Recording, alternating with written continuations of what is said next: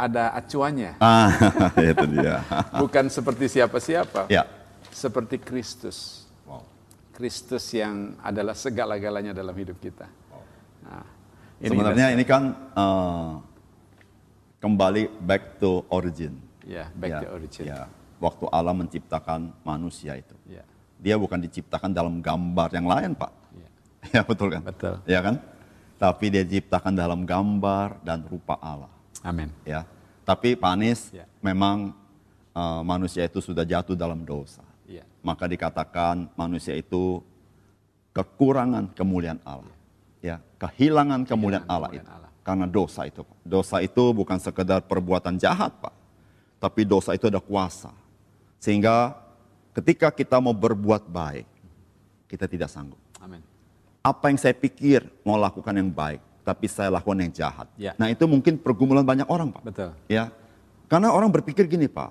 Dosa itu sekedar berbuat jahat. Ya, Tapi dia lupa, dosa itu ada kuasa. ada kuasa. Kuasa itu mencengkram dia, sehingga dia sendiri sering kali berkata begini, saya kilaf, Pak. Kilaf itu arti apa? Saya sebenarnya nggak mau. Betul. Ya, ada banyak orang di sana, saudara-saudara, yang terjebak dalam segala sesuatu yang sifatnya melanggar hukum dan kejahatan.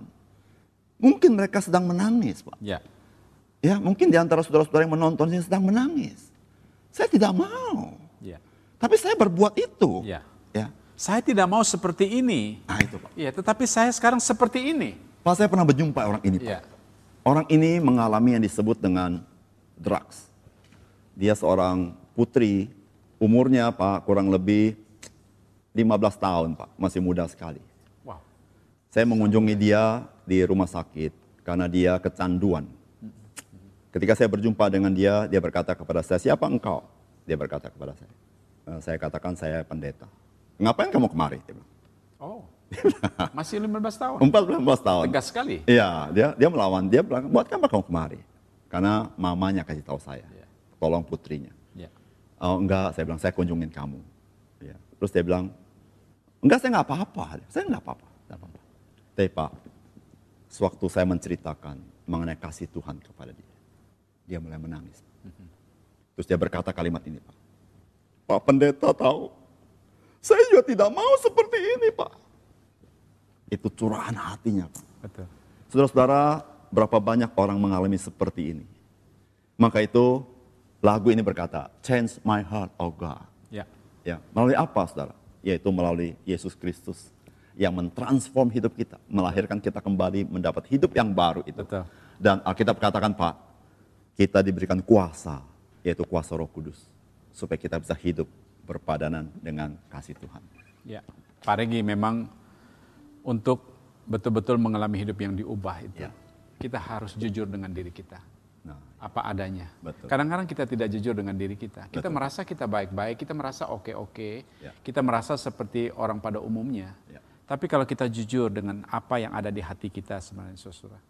Sungguh saudara kita membutuhkan kehidupan yang terus ditransform, diubah oleh Tuhan untuk semakin hari semakin lebih baik daripada sebelumnya. Bahkan menjadi seperti Kristus Tuhan kita Amin, saudara. amin. Ya. Puji Hidup Tuhan. yang penuh dengan kemenangan. Ya. Nah Pak Reki kita hari ini diskusi tentang firman Tuhan. Ya, begini Pak Anies. Ya. Eh, kita kan sudah tahu Pak ya. Ya. Eh, waktu lalu kita udah bahas eh, ada dua hukum utama perintah Tuhan Ya. yang yang terkandung di dalam eh, seluruh seluruh perjanjian lama, kitab suci. Ya. Yang pertama adalah kasih Tuhan Alamu dengan segenap hatimu, segenap pikiran, segenap kekuatanmu, dan segenap akal budimu. Ya. Hukum yang kedua yang sama dengan itu adalah kasihlah sesama manusia seperti dirimu sendiri. Ya. Nah hari ini Pak Anies, waktu kita mendengar kata kasihlah sesama seperti dirimu sendiri, maka Yesus, Tuhan Yesus kita ini memberikan implikasinya. Pak. Ya. Nah saudara-saudara begini, kadang-kadang dalam tataran filosofis, ya, kita bisa berkata saya memahami, Ya.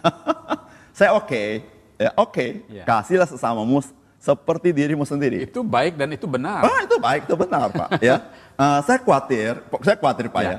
Eh, saya khawatir kita ini bisa masuk dalam tataran persetujuan filosofis, Mhm. tapi belum tentu persetujuan dalam praktikal.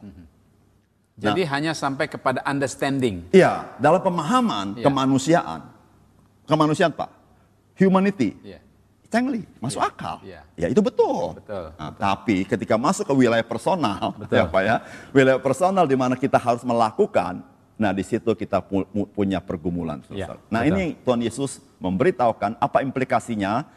Hukum yang kedua, Ya. kasihlah sesama manusia seperti dirimu sendiri. Iya, iya. ya kita coba baca Alkitab Pak Ya, ya. oke. Nah saudara-saudara kita membaca dari Injil Matius, saudara ya. Matius pasal yang kelima, ayat 43 sampai ayat 48. saudara. Ya. Saya baca sama Bapak Pendeta Anis, silih berganti ya. Bapak Ibu kalau punya Alkitab, mari ambil Alkitab ya. Kita baca sama-sama, kita lihat firman Tuhan ya. Bukan hanya mendengar, kita ngomong, tapi baca Alkitab dengan baik. Ya. Ya. Mari kita, supaya Tuhan menyapa kita. Mari kita baca sama-sama Pak Anis ya, Ya. bergantian. Matius pasal 5 ayat 43. Demikian perkataan Tuhan Yesus. Kamu telah mendengar firman, kasihilah sesama manusia dan bencilah musuhmu. Tetapi aku berkata kepadamu, kasihlah musuhmu dan berdoalah bagi mereka yang menganiaya kamu. Karena dengan demikianlah kamu menjadi anak-anak Bapamu yang di sorga, yang menerbitkan matahari bagi orang yang jahat dan orang yang baik, dan menurunkan hujan bagi orang yang benar dan orang yang tidak benar. Apabila kamu mengasihi orang yang mengasihi kamu, apakah upamu? Bukankah pemungut cukai juga berbuat demikian? Dan apabila kamu hanya memberi salam kepada saudara-saudaramu saja, apakah lebihnya daripada perbuatan orang lain? Bukankah orang yang tidak mengenal Allah pun berbuat demikian? Sama-sama ayat 48. Pak. Baik. Karena itu haruslah kamu sempurna, sama seperti Bapamu yang di sorga adalah sempurna. Wow, Kalau kita bicara begini ya, rasanya impossible ya, Pak. iya, iya. wow. Ini, Pak, kasihilah apa Tuhan Yesus katakan? Aku berkata kepadamu, kasihilah musuhmu. Bukan berhenti di situ, Pak. Ya. Ya, itu itu masih enteng dikit, Pak. Ya. Kalimat berikutnya, Pak. Berdoalah bagi mereka, bukan hanya dia musuh kita, dia menganiaya kamu. Iya, iya, iya. Pak Anies ada musuh yang tidak menganiaya, Pak. Betul. Ya cuma musuhan saja, Itu pun sudah menyakiti. menyakiti. Ya dia hanya musuh saja. Ya. Tapi saudara-saudara, ini lebih luar biasa. Ini musuh yang membahayakan kita. Betul. Musuh yang merugikan kita, musuh yang menganiaya kita, melukai kita, Pak ya. Iya. Lalu Tuhan berkata, kasihi dia, berdoa bagi dia. How come, Pak? Aduh, ini ini betul-betul ya the golden rule yang benar-benar uh, bagi kita sebagai orang percaya, Pak ya, uh, harus kita hidupi, tidak hanya kita pahami. Uh, nah itu sebabnya kita perlu bahas sekarang, karena memang semua kita sedang bergumul bagaimana menghidupi kebenaran firman Tuhan. begini Pak, saya suka dengar begini. Pak Pendeta, ya. sabar itu ada batasnya Pak. Iya. Bapak sering dengar itu bukan? Iya, dia satu kali gua ampuni, Nah. dua kali gua ampuni, Nah. tiga kali pembalasan lebih ke- Iya. kejam dari perbuatan. Iya. Iya kan? Ah, wah ini gimana ya? Nah saudara-saudara begini, waktu Yesus mengajar Pak Iya. di bukit ini, kan ini ada beberapa pasal yang Tuhan Yesus Iya, mengajar Pak. iya. Jadi eh, kasihlah musuhmu dan berdoalah bagi mereka yang menganiaya kamu. Semuanya dalam konteks Ya. Konteksnya di atas, saudara-saudara ya, di ayat sebelumnya, saudara ya. Ayat 43, itu kalimatnya begini, Pak Anies. Ya. Kamu telah mendengar firman, kasihlah sesama manusia dan bencilah musuhmu. Nah perhatikan baik-baik saudara-saudara. Kamu telah mendengar. Jadi sebenarnya bukan tertulis. Ya. Ya, Saudara yang tertulis tidak ada, bencilah musuhmu tidak ada. Tidak ada. Tapi Alkitab di- tidak ada begitu. Tidak ada, Pak. Ya. Sama sekali tidak Ya. ada. Jadi, kasihlah sesamu dan bencilah musuhmu. Kata bencilah musuhmu itu adalah kamu dengar. Nah, pada masyarakat pada zaman dahulu, saudara-saudara, banyak orang masih buta huruf, saudara. Iya. Ya. Meskipun di sana ada kitab suci, tapi banyak orang tidak bisa baca. Ya. Dan mereka mengandalkan siapa? Mengandalkan pemimpin-pemimpin Pemimpin. mereka, pemimpin, Pemimpin agama. agama. mereka mengajar. Nah, saudara-saudara, bagaimana pemimpin agama mereka mengajar? Mereka mengajar sesuai dengan persepsi mereka, Ya. interpretasi mereka. Ya. Dan ketika orang-orang tidak bisa baca dari kitab suci langsung, mereka percaya kepada kata-kata Ya. itu. Saudara berbahaya sekali. Ya. Waktu kita menjadi hanya pendengar, tapi kita tidak membaca langsung dan tidak mengerti langsung. Ya. Pak, bukan Tuhan. bahaya Pak. Zaman sekarang Pak ya, Betul, betul. kita ini Pak, eh, bahasa saya tuh nggak pugu-pugu. Apa itu nggak pugu-pugu? nggak pugu-pugu. Apa ya bahasanya? Orang Sunda tuh kalau nggak pugu-pugu itu nggak tahu kenapa. Iya. Orang bisa jadi marah luar biasa. Iya. Lalu berbuat sesuatu yang melampaui sesuatu kemanusiaan. Karena dia dengar. Iya. Karena Pak, dia dengar, hanya karena hanya mendengar. dengar. Apalagi sekarang Pak, eh, sekarang ini kan media terbuka ya. Betul. Ketika banyak informasi-informasi bahkan ucapan-ucapan ujaran-ujaran yang hanya didengar, Dengar. tiba-tiba itu bisa membakar emosi Membakar orang yang emosi. luar biasa. Waduh. Iya. Lalu setelah terjadi, baru tahu. Iya. Ternyata bukan begitu. Ah, ini ini bahaya sekali ya. Ya, padahal kita sudah berbuat kepada orang lain sesuatu yang melampaui padahal dia tidak berbuat apa-apa. Ya, ya. Nah, saudara-saudara yang kasih dalam Tuhan, Tuhan Yesus sangat mengkoreksi pemimpin agama ini. Ya. Ya, dan memberitahukan kepada orang lain bahwa apa yang kamu dengar itu itu tidak tepat persis seperti yang tertulis, Ya. Ya. ya. Tapi yang tertulis itulah yang kamu harus percaya, bukan kami kamu dengar. Ya. Maka Tuhan Yesus di sini Pak Anies, Ya. bukan sedang tidak cocok sama perjanjian lama, tidak. Ya. Bukan memperbaiki. Bukan. Iya. Tuhan Yesus itu ingin mengembalikan. Iya, betul, betul. Mengembalikan orang-orang itu kepada pesan perjanjian lama. Tuhan Yesus tidak kontra sama perjanjian lama, Pak. Ya. Tuhan Yesus tidak mengeliminasi perjanjian lama. Ya. Tuhan Yesus menggenapi perjanjian Ya. lama. Bahkan dia ingin orang yang mendengar itu kembali kepada pesan firman Allah yang sebenarnya. Iya. Betul. Jadi Tuhan Yesus sedang membawa para pendengarnya ini kembali kepada kebenaran yang betul-betul genuine. Betul, Pak. Iya. Uh-uh. Itulah yang yang sering kali kita sering dengar kalimat ini, kata ini, reform. Iya. Reform itu bukan memperbaiki, bukan. Iya. Reform itu artinya mengembalikan kepada kitab suci. Ya. Ajaran kitab suci. Iya. Nah saudara sering kali kita banyak orang berpikir Yesus itu kontra sama perjanjian lama. Ya. Tidak sama sekali. Iya. Yesus ingin kita kembali kepada kitab suci. Iya. Nah Pak Anies, eh, ketika Tuhan Yesus berkata kasihlah musuhmu, berdoalah bagi mereka yang Ya. menganiaya kamu. Itu yang genuine. Yang genuine. Itu yang genuine. Nah, Iya. Pak saya mau tanya, Ya. Bapak punya musuh enggak Pak? Pak Pak Regi jangan jangan ngungkit-ngungkit dong Pak. Jangan mungkin-mungkin. Eh, iya, memang dalam hidup saya, eh, saya berusaha sedapat mungkin tidak ada musuh, Pak. Ya, mungkin orang ada yang memusuhin saya, tapi sejauh ini sampai hari ini, puji Tuhan, ya belum terjadi sih, Pak. Ya. Dan saya berharap jangan terjadi. Ya. Ya, karena eh, kita selalu menjaga sikap hati kita di hadapan Tuhan. Baik. Apalagi ya, eh, hari-hari kita bergumul dengan firman Tuhan. Um, mungkin saja di dalam kehidupan kita hari-hari, baik di lingkungan keluarga kita, dengan orang terdekat dengan kita, dengan sahabat kita, teman-teman. Ah, jujur kata tidak ada orang sempurna, Pak Regi. Ah, setuju Pak. Ya, tidak ada Setuju. orang sempurna, Setuju, tetapi- termasuk kita. Iya, termasuk kita. Bisa saja kita Ya. uh, apa namanya punya sikap hati seperti itu. Betul, Pak. Iya kan orang tidak lihat. Ya, Ya, tidak dia. lihat apa yang uh, terkandung di hati kita. Betul, Pak. Tapi bisa saja kita mempunyai sikap seperti itu kepada orang lain dengan diam-diam kan? Ya. Iya. Nah, uh, dalam hal ini saya kira inilah mengapa kita butuh untuk terus uh, mendiskusikan, membicarakan, merenungkan firman Tuhan ini Oh. untuk menolong kita mengatasi Ya. sikap yang seperti ini. Ya. Iya, uh, kita bukan malaikat. Ya. kita manusia yang terdiri dari darah dan daging. Maka itu Tuhan Dan- berkata begini Pak. Iya, Kuduskanlah mereka dengan kebenaranmu. iya. Firmanmu itulah kebenaran. Betul, Wow. betul. Nah, firman itu kebenaran. Nah, firman itulah yang menolong kita setelah untuk yaitu mengubah sikap hati kita yang yang tadi ya ya bawaan natur berdosa tadi. Persis seperti lagu tadi kan. Iya. Waktu kita berat Change My Heart Oh God, itu kita minta Tuhan melalui firman. Iya, Betul. iya. Betul, betul. Nah, eh, Bapak Ibu sekalian, nah, Pak Regi, ini kalau kita bicara tentang the genuine, Ya. kita bi- bilang begini, itu kan ajaran kitab suci. Ya. Siapa yang bisa eh, melampaui atau siapa yang bisa melakukan kitab suci? Kitab suci terlalu sempurna. Saya kan bukan manusia sempurna. Ya, ya, Iya ya. kan? Itu Iya kan pergumulan begitu? ya. Itu pergumulan kan? Ya, pergumulan. Tapi menarik sekali Ya. kalau Tuhan mengajarkannya. Ya. Menurut saya berarti itu sesuatu yang dapat kita lakukan. Ya.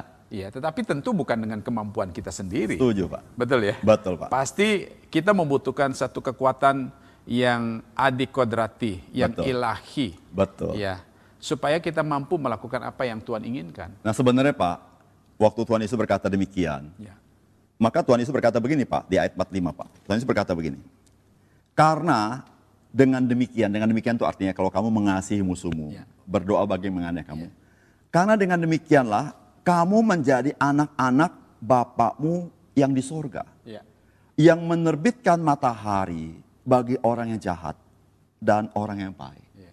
Memberikan Dan hujan. menurunkan hujan bagi orang yang benar dan orang yang tidak benar. Pak, Ya. saya terharu Pak Ya. Ya. Pak, kita ini bisa lebih seperti hakim daripada hakim yang agung. Ya. Daripada Tuhan kita. Betul. Kita lebih sering menghakimi orang, padahal Tuhan itu Pak. Dia memberikan matahari bagi orang benar. Bukan titik Pak. Ya. Tapi bagi orang nggak benar Pak. Ya, Kita ini Pak ya kalau ketemu orang nggak benar, itu bahasa Jermannya gergetan ya. Iya. gregetan ya. ya gregetan kan? Iya. Pasti orang Jerman nggak ngerti. Nggak ya. ngerti, ini gregetan. Gregetan itu apa? Saya nggak ngerti ya. Tapi maksud saya begitu. Tapi Pak, dikatakan begini, karena dengan demikianlah kamu menjadi anak-anak Bapamu. Maksud Ya. firman Tuhan di sini begini Pak. Bukan berarti begini saudara, kalau saudara berbuat mengasihi musuhmu, kamu menjadi anak-anak Bapa. Bukan. Iya. Karena status menjadi anak tidak bisa karena perbuatan. Iya. Ya, kalau anak Bapak berbuat baik, tidak otomatis jadi anak saya. Ya. Betul kan Pak? Ya. Tapi status anak itu harus dilahirkan. Iya. Ya, Ya. harus dijadikan, Ya. begitu ya. Ya. Nah, di sini punya pengertian begini. Kamu menjadi anak-anak Bapak itu artinya orang mengenal kamu adalah anak-anak Bapak. Iya. Ya, kenapa? Karena filosofi pada zaman itu, Pak. Ya. Like father, Like like, son. son. Sebagaimana bapakmu, demikianlah kita. Sebagai Ya. anak. Maka itu kita ini Pak Anies, kita ini sudah menjadi orang yang dilahirkan kembali. Ya. Alkitab katakan waktu kita mengenal Yesus, maka Allah mengangkat kita menjadi anak-anak Allah. Nah ini mengangkat ya anak-anak Allah. Beda sama Yesus Pak ya. Betul, ya. Yesus itu memang dia Allah. Ya. Ya dia anak satu-satunya. Ya. Yang berbeda dengan kita diangkat. Ya. Ya. Kita menjadi anak-anak Allah. Nah waktu kita menjadi anak-anak Allah maka Allah ingin kita menjadi serupa. Dalam arti likeness Pak. Seperti likeness. punya sifat seperti Bapa. Ya. Kita berbuat kasih seperti Bapa mengasihi orang lain. Nah Pak Anies begini Pak Anies. Kalau Tuhan tuh tahu Pak.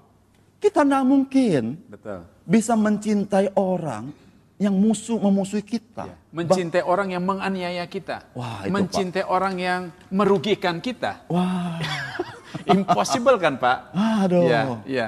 Tetapi ini ajaran Tuhan luar biasa ya. Iya. Nah, em, Kita kalau keluar duit banyak, Iya. urut jidat Pak. kalau kita dianiaya bisa urut dada. Ada dada. ya, ya, kita nih bisa merasa ya ampun, Iya. gimana? Iya. Maka itu saudara-saudara, Yesus berkata apa? Kita bisa lakukan. Kenapa? Karena kita ada anak-anak Bapa. ya, Karena Bapa di surga, dia memberikan kita roh kudus dalam hidup kita. Maka itu Pak Anies di kalimat Iya. begini. Buah roh kudus adalah kasih. kasih. Ya, saudara perhatikan itu ya. Buah roh kudus itu kasih, ada sembilan. Ya. Sembilan rasa buah roh kudus. Ya. Dan menariknya Pak, Terakhir. pertama kasih ditutup dengan kalimat ini. Dan terakhir adalah penguasaan diri. Wow. Wah. Keren banget ya. Luar biasa kan Pak? Ya. Iya, di antara sembilan, Iya. ada delapan di atas, Iya. dikunci sama yang penguasaan diri, Iya. dipagarin. Betul, Pak. Supaya jangan liar nih. Jadi bayangkan ya, saudara Pak Anies ya, Ya. Pak Anies ya. Kalau ada orang menganiaya kita, Iya. maka buah roh kudus itu pertama adalah kita belajar mengasihi. Kedua kita berkata buah roh kudus itu juga menguasai diri kita. Ya. Nah kadang-kadang kan kita nggak bisa menguasai diri kan. Betul. Waktu orang menganiaya kita, Betul. kita langsung balas. Betul. Betul, kan? Tanpa pikir pak, betul, Betul, kan? betul. Tapi saudara-saudara, inilah kekuatan daripada Tuhan. Nah Pak Anies, tadi Pak Anies katakan menarik sekali. Saya suka sekali Pak Anies katakan. Ya. Eh, saudara, saya setuju dengan Pak Anies. Eh, orang sering kali tidak tahu hati kita kita tetap ada pergumulan. Tidak mudah sebagai manusia. ya. Tapi saudara, saya percaya seperti Pak Anies, di dalam anugerah Tuhan, di dalam kekuatan daripada Tuhan. Nah saudara, memang kita sebagai anak-anak Tuhan, kita tidak boleh memusuhi siapa pun. Iya, betul. Tapi saudara, kita tidak bisa terhindar. Mungkin, saudara, kita bisa dimusuhi orang lain. Ya, betul. tapi jangan karena kita berbuat jahat. Ya, Ya. kita bisa dimusuhi orang lain. Mungkin juga kita dianiaya orang lain. Bisa, saudara. Nah, Pak Anies, saya mau tanya. Ini sekali mau tanya Pak Anies deh. Pak Anies pernah gak mengalami itu? Dianiaya orang karena orang benci Pak Anies ya. Bukan Pak Anies benci orang ya. Ya. Eh, Pak Anies pernah ngalamin enggak? Saya sering Pak Regi. Sering. Seringkali eh, memang disalahpahami, eh, lalu dibenci, bahkan eh, nyaris dianiaya. Ini ini sedikit uh, sharing Pak. Baik, baik. Satu kali pada waktu saya masih di Balikpapan, Baik. melayani uh, gereja GKY di Balikpapan, kita sedang membangun ru- rumah ibadah. Ya. Nah memang gedung rumah ibadah itu semua disetujui oleh seluruh masyarakat di sekitarnya dan ada ada masyarakat yang memang sangat-sangat uh, side by side ya berdampingan dengan pembangunan gereja kita. Nah proses pembangunan sedang berlangsung, lalu um, sudah sampai di atas Pak, uh, lantai tiga. Waktu itu saya sedang ngantor pagi hari jam 10, tiba-tiba saya mendengar suara dari luar teriak, keluar kamu, keluar kamu. Saya kaget ya, saya nggak tahu apa yang terjadi. Ya. Saya pikir tukang, Ya. tapi begitu saya keluar ada dua anak muda yang lari menghampiri saya. Saya berdiri di situ bengong, saya punya Baju. kerah baju ditarik sampai kancing-kancing putus. Tarik saya dari kantor sampai ke halaman gereja itu, lalu saya dimaki-maki. Ya, dasar orang ini dan sebagainya, kata-kata yang tidak enak Ya. didengar. Kemudian Pak, yang mengagetkan saya adalah dia memegang sebilah parang.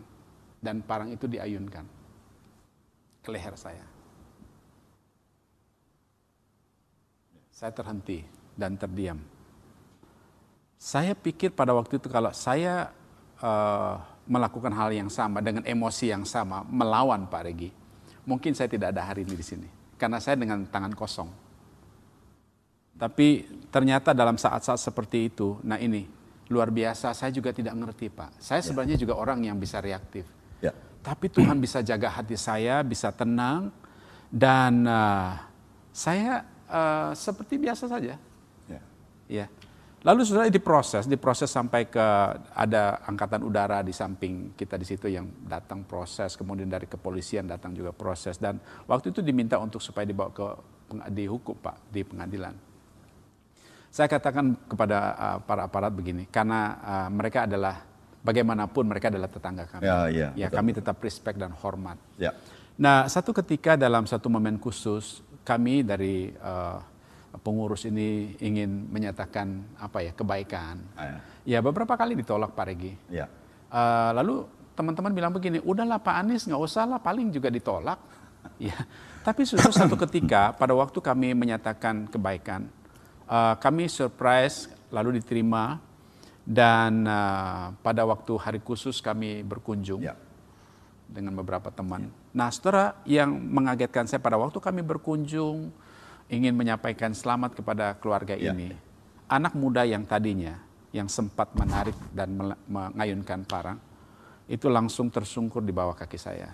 Ada teman-teman dia tertunduk, nah katakan, Om saya minta maaf, Om, Om saya minta maaf, Om. Beberapa kali saya langsung angkat tangannya dan katakan sudah nggak apa-apa, semua sudah selesai. Em, saya apa em, sungguh-sungguh apa terharu melihat situasi itu. Ya. Sejak itu hubungan kami sangat sangat Puji baik. Tuhan. Puji Tuhan. Saya saya bilang Tuhan seandainya waktu itu saya respon dengan cara seperti cara dia memperlakukan saya. Saya tidak akan melihat keindahan itu terjadi di antara kami sebagai neighbor, sebagai tetangga. Dan kami sebagai tetangga bukan hanya untuk satu dua tahun. Untuk seterusnya Oh. kami berdampingan di situ. Dan puji Tuhan sampai hari ini ya walaupun saya sudah 10 tahun ke Jakarta, waktu ke sana tetap menyapa mereka dan ketemu walaupun memang dua orang tua sudah tidak ada, anak-anak dan tetap mempunyai hubungan yang baik. Sahabat ya. Nah, saya kira saudara di sinilah memang tantangan bagi kita ketika kita memang diperlakukan oleh orang yang mungkin salah paham eh, tentang apa yang kita lakukan.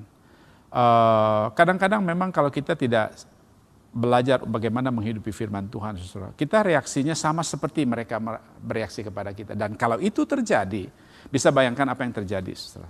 Dan saya pikir juga di tengah-tengah masyarakat, Pak Regi, kita sebagai orang yang beriman, kalau kita mempunyai cara yang sama menghadapi apa yang terjadi kepada kita, bisa bayangkan saudara, dunia ini akan seperti apa. Ya. Ya, bangsa kita akan seperti apa. Nah puji Tuhan, Tuhan memberikan firman-Nya yang luar biasa saudara, untuk menjaga hati kita, supaya kita belajar seperti Kristus. Betul. Ya, Betul. Uh, mengasihi orang yang menganiaya kita, mengas- mendoakan orang yang mungkin uh, berniat jahat terhadap kita. Nah ini anak, saya kira Pak, hanya ajaran yang Tuhan Yesus ajarkan kepada kita. Ya. Dan Pak Ya. ukurannya bukan orang. Bukan orang. Ukurannya adalah bagaimana Bapak. Betul, betul. Ya. Kita berkata, Tuhan Yesus berkata, karena haruslah kamu sempurna sama seperti Bapamu. Bapamu yang di sorga itu sempurna. Wow. Artinya kita harus punya likeness. Ya. Orang melihat itu gambar dan rupa Tuhan dalam Ya. hidup kita. Ya. Saudara-saudara Tuhan itu indah. Ya. Dan God is good. Ya, God Ya, is kalau good. God is good, kita juga harus good. Ya. Ya kan Pak Ya, betul, betul. Dan ini good kita ini bukan karena kita good semata-mata. Ya. Tapi karena God is good dan Tuhan itu tinggal dalam hidup kita. Betul, betul, ya. betul. Ya. Mari kita ekspresikan, saudara. Betul. Ekspresikan. Tuhan tinggal dalam kita. Ya. ya beda kalau Tuhan tidak tinggal dalam kita. Kita tidak sanggup. Tapi kalau Tuhan hidup dalam kita, Pak. Roh Kudus tinggal dalam kita, Pak. Ya. Mari kita ekspresikan. Ya. Ya, kepada orang lain. Ya, menarik sekali tadi Pak Riki katakan Ya. ayat yang ke berapa itu Pak? Ya. Dia katakan hendaklah kamu sempurna sepa- seperti Bapamu Bapamu sempurna. sempurna. Nah, uh, ini kan bukan tentang equal. Ya, bukan. Ya, bukan, equal. tetapi likeness. likeness. Ya, Ya. menyerupai. Jadi menarik sekali bahasan dari Pak Regi tadi katakan uh, karena kita ini adalah anak-anak Bapa yang di surga. Amin. Jadi kalau kita sebagai anak Bapa maka apa namanya uh, kita serupa dengan sifatnya, serupa dengan karakternya. Natur ilahi itu diberikan kepada kita sebagai anaknya. Betul. Sebagai Bapa seperti itu maka kita sebagai anaknya juga melakukan yang sama. Betul. Kalau Bapak kita baik seperti itu, lalu kita sebagai anak tidak Anak-anak baik. juga harus baik. Lalu kita anak siapa? Ya, jangan kita mempermalukan Bapa di surga. Iya, iya, Ya. iya. iya. Tapi Pak Anies, yang ya. Tuhan Yesus katakan ini, Iya. Ini adalah Tuhan Yesus ambil dari perjanjian lama. Betul, Ya. betul. Jadi Tuhan Yesus bukan memberikan sesuatu yang baru, Betul. tetapi Dia ingin mengembalikan kita kepada apa yang Tuhan firmankan yang Ya. tidak berubah itu, supaya Ya. kita hidup sesuai dengan itu. Iya. Puji Baik. Tuhan. Puji Tuhan. Nah, sekiranya firman Tuhan ini sudah menolong kita untuk terus belajar bagaimana kita hidup di tengah-tengah keperbedaan. Ah, iya. Ya, di tengah-tengah uh, bermacam-macam latar belakang status kita di tengah-tengah bangsa ini. Ya. Baik. Nah, kiranya kita sebagai anak Tuhan, sebagai orang percaya, saudara di tengah-tengah bangsa ini, mari kita uh, muncul sebagai apa namanya garam dan terang. Wow. Memang konteksnya ini kan ya. Iya, Kalau betul, kita baca di atas ini, atas ya. ini, betul. Ya. Betul, betul, Bagaimana persis. kita tampil sebagai garam dan terang bagi bangsa ini, bagi dunia ini, menjadi berkat bagi orang lain. Ya, Ya. Garam Pak ya, Ya. Itu sangat dibutuhkan manusia. Betul. Betul kan? Betul. Manusia kalau tanpa garam, waduh. Saya bukan dokter, saya nggak ngerti, tapi saya tahu Pak. Tapi itu. yang jelas makanan hambar, Pak. Kedua, manusia itu butuh terang. Betul terang. Kemarin lalu kita bahas kan Pak. Iya. Di dalam kegelapan tidak ada kehidupan. Iya. Hanya di dalam terang. Iya. Dan terang itu bukan sekedar terang lampu, terang matahari, tapi terang Tuhan. Ya. Ya, nah kita sebagai anak-anak Tuhan, mari kita menyatakan, Iya. ya, uh, jadi berkat ya bagi orang-orang sekitar kita. Meskipun mungkin ada orang yang membenci kita, mungkin ya Pak Anies Iya, ya, iya. mungkin ada orang yang berbuat jahat sama kita, mungkin ya, tapi jangan sampai mereka benci sama kita karena perbuatan kita Iya. yang salah, berdosa, menyakiti orang lain. Tapi Iya. biarlah kita mengasihi mereka, sebagaimana Bapa di surga juga mengasihi mereka. Amin, amin, amin. Nah, Pak Regi ada satu nyanyian. Ya. Uh, nyanyian ini uh, judulnya Bahasa Kasih. Oh ya, Ya, jadi uh, mengajak kita untuk supaya uh, terus belajar dan belajar bagaimana kita menghidupi bahasa kasih dalam hidup kita.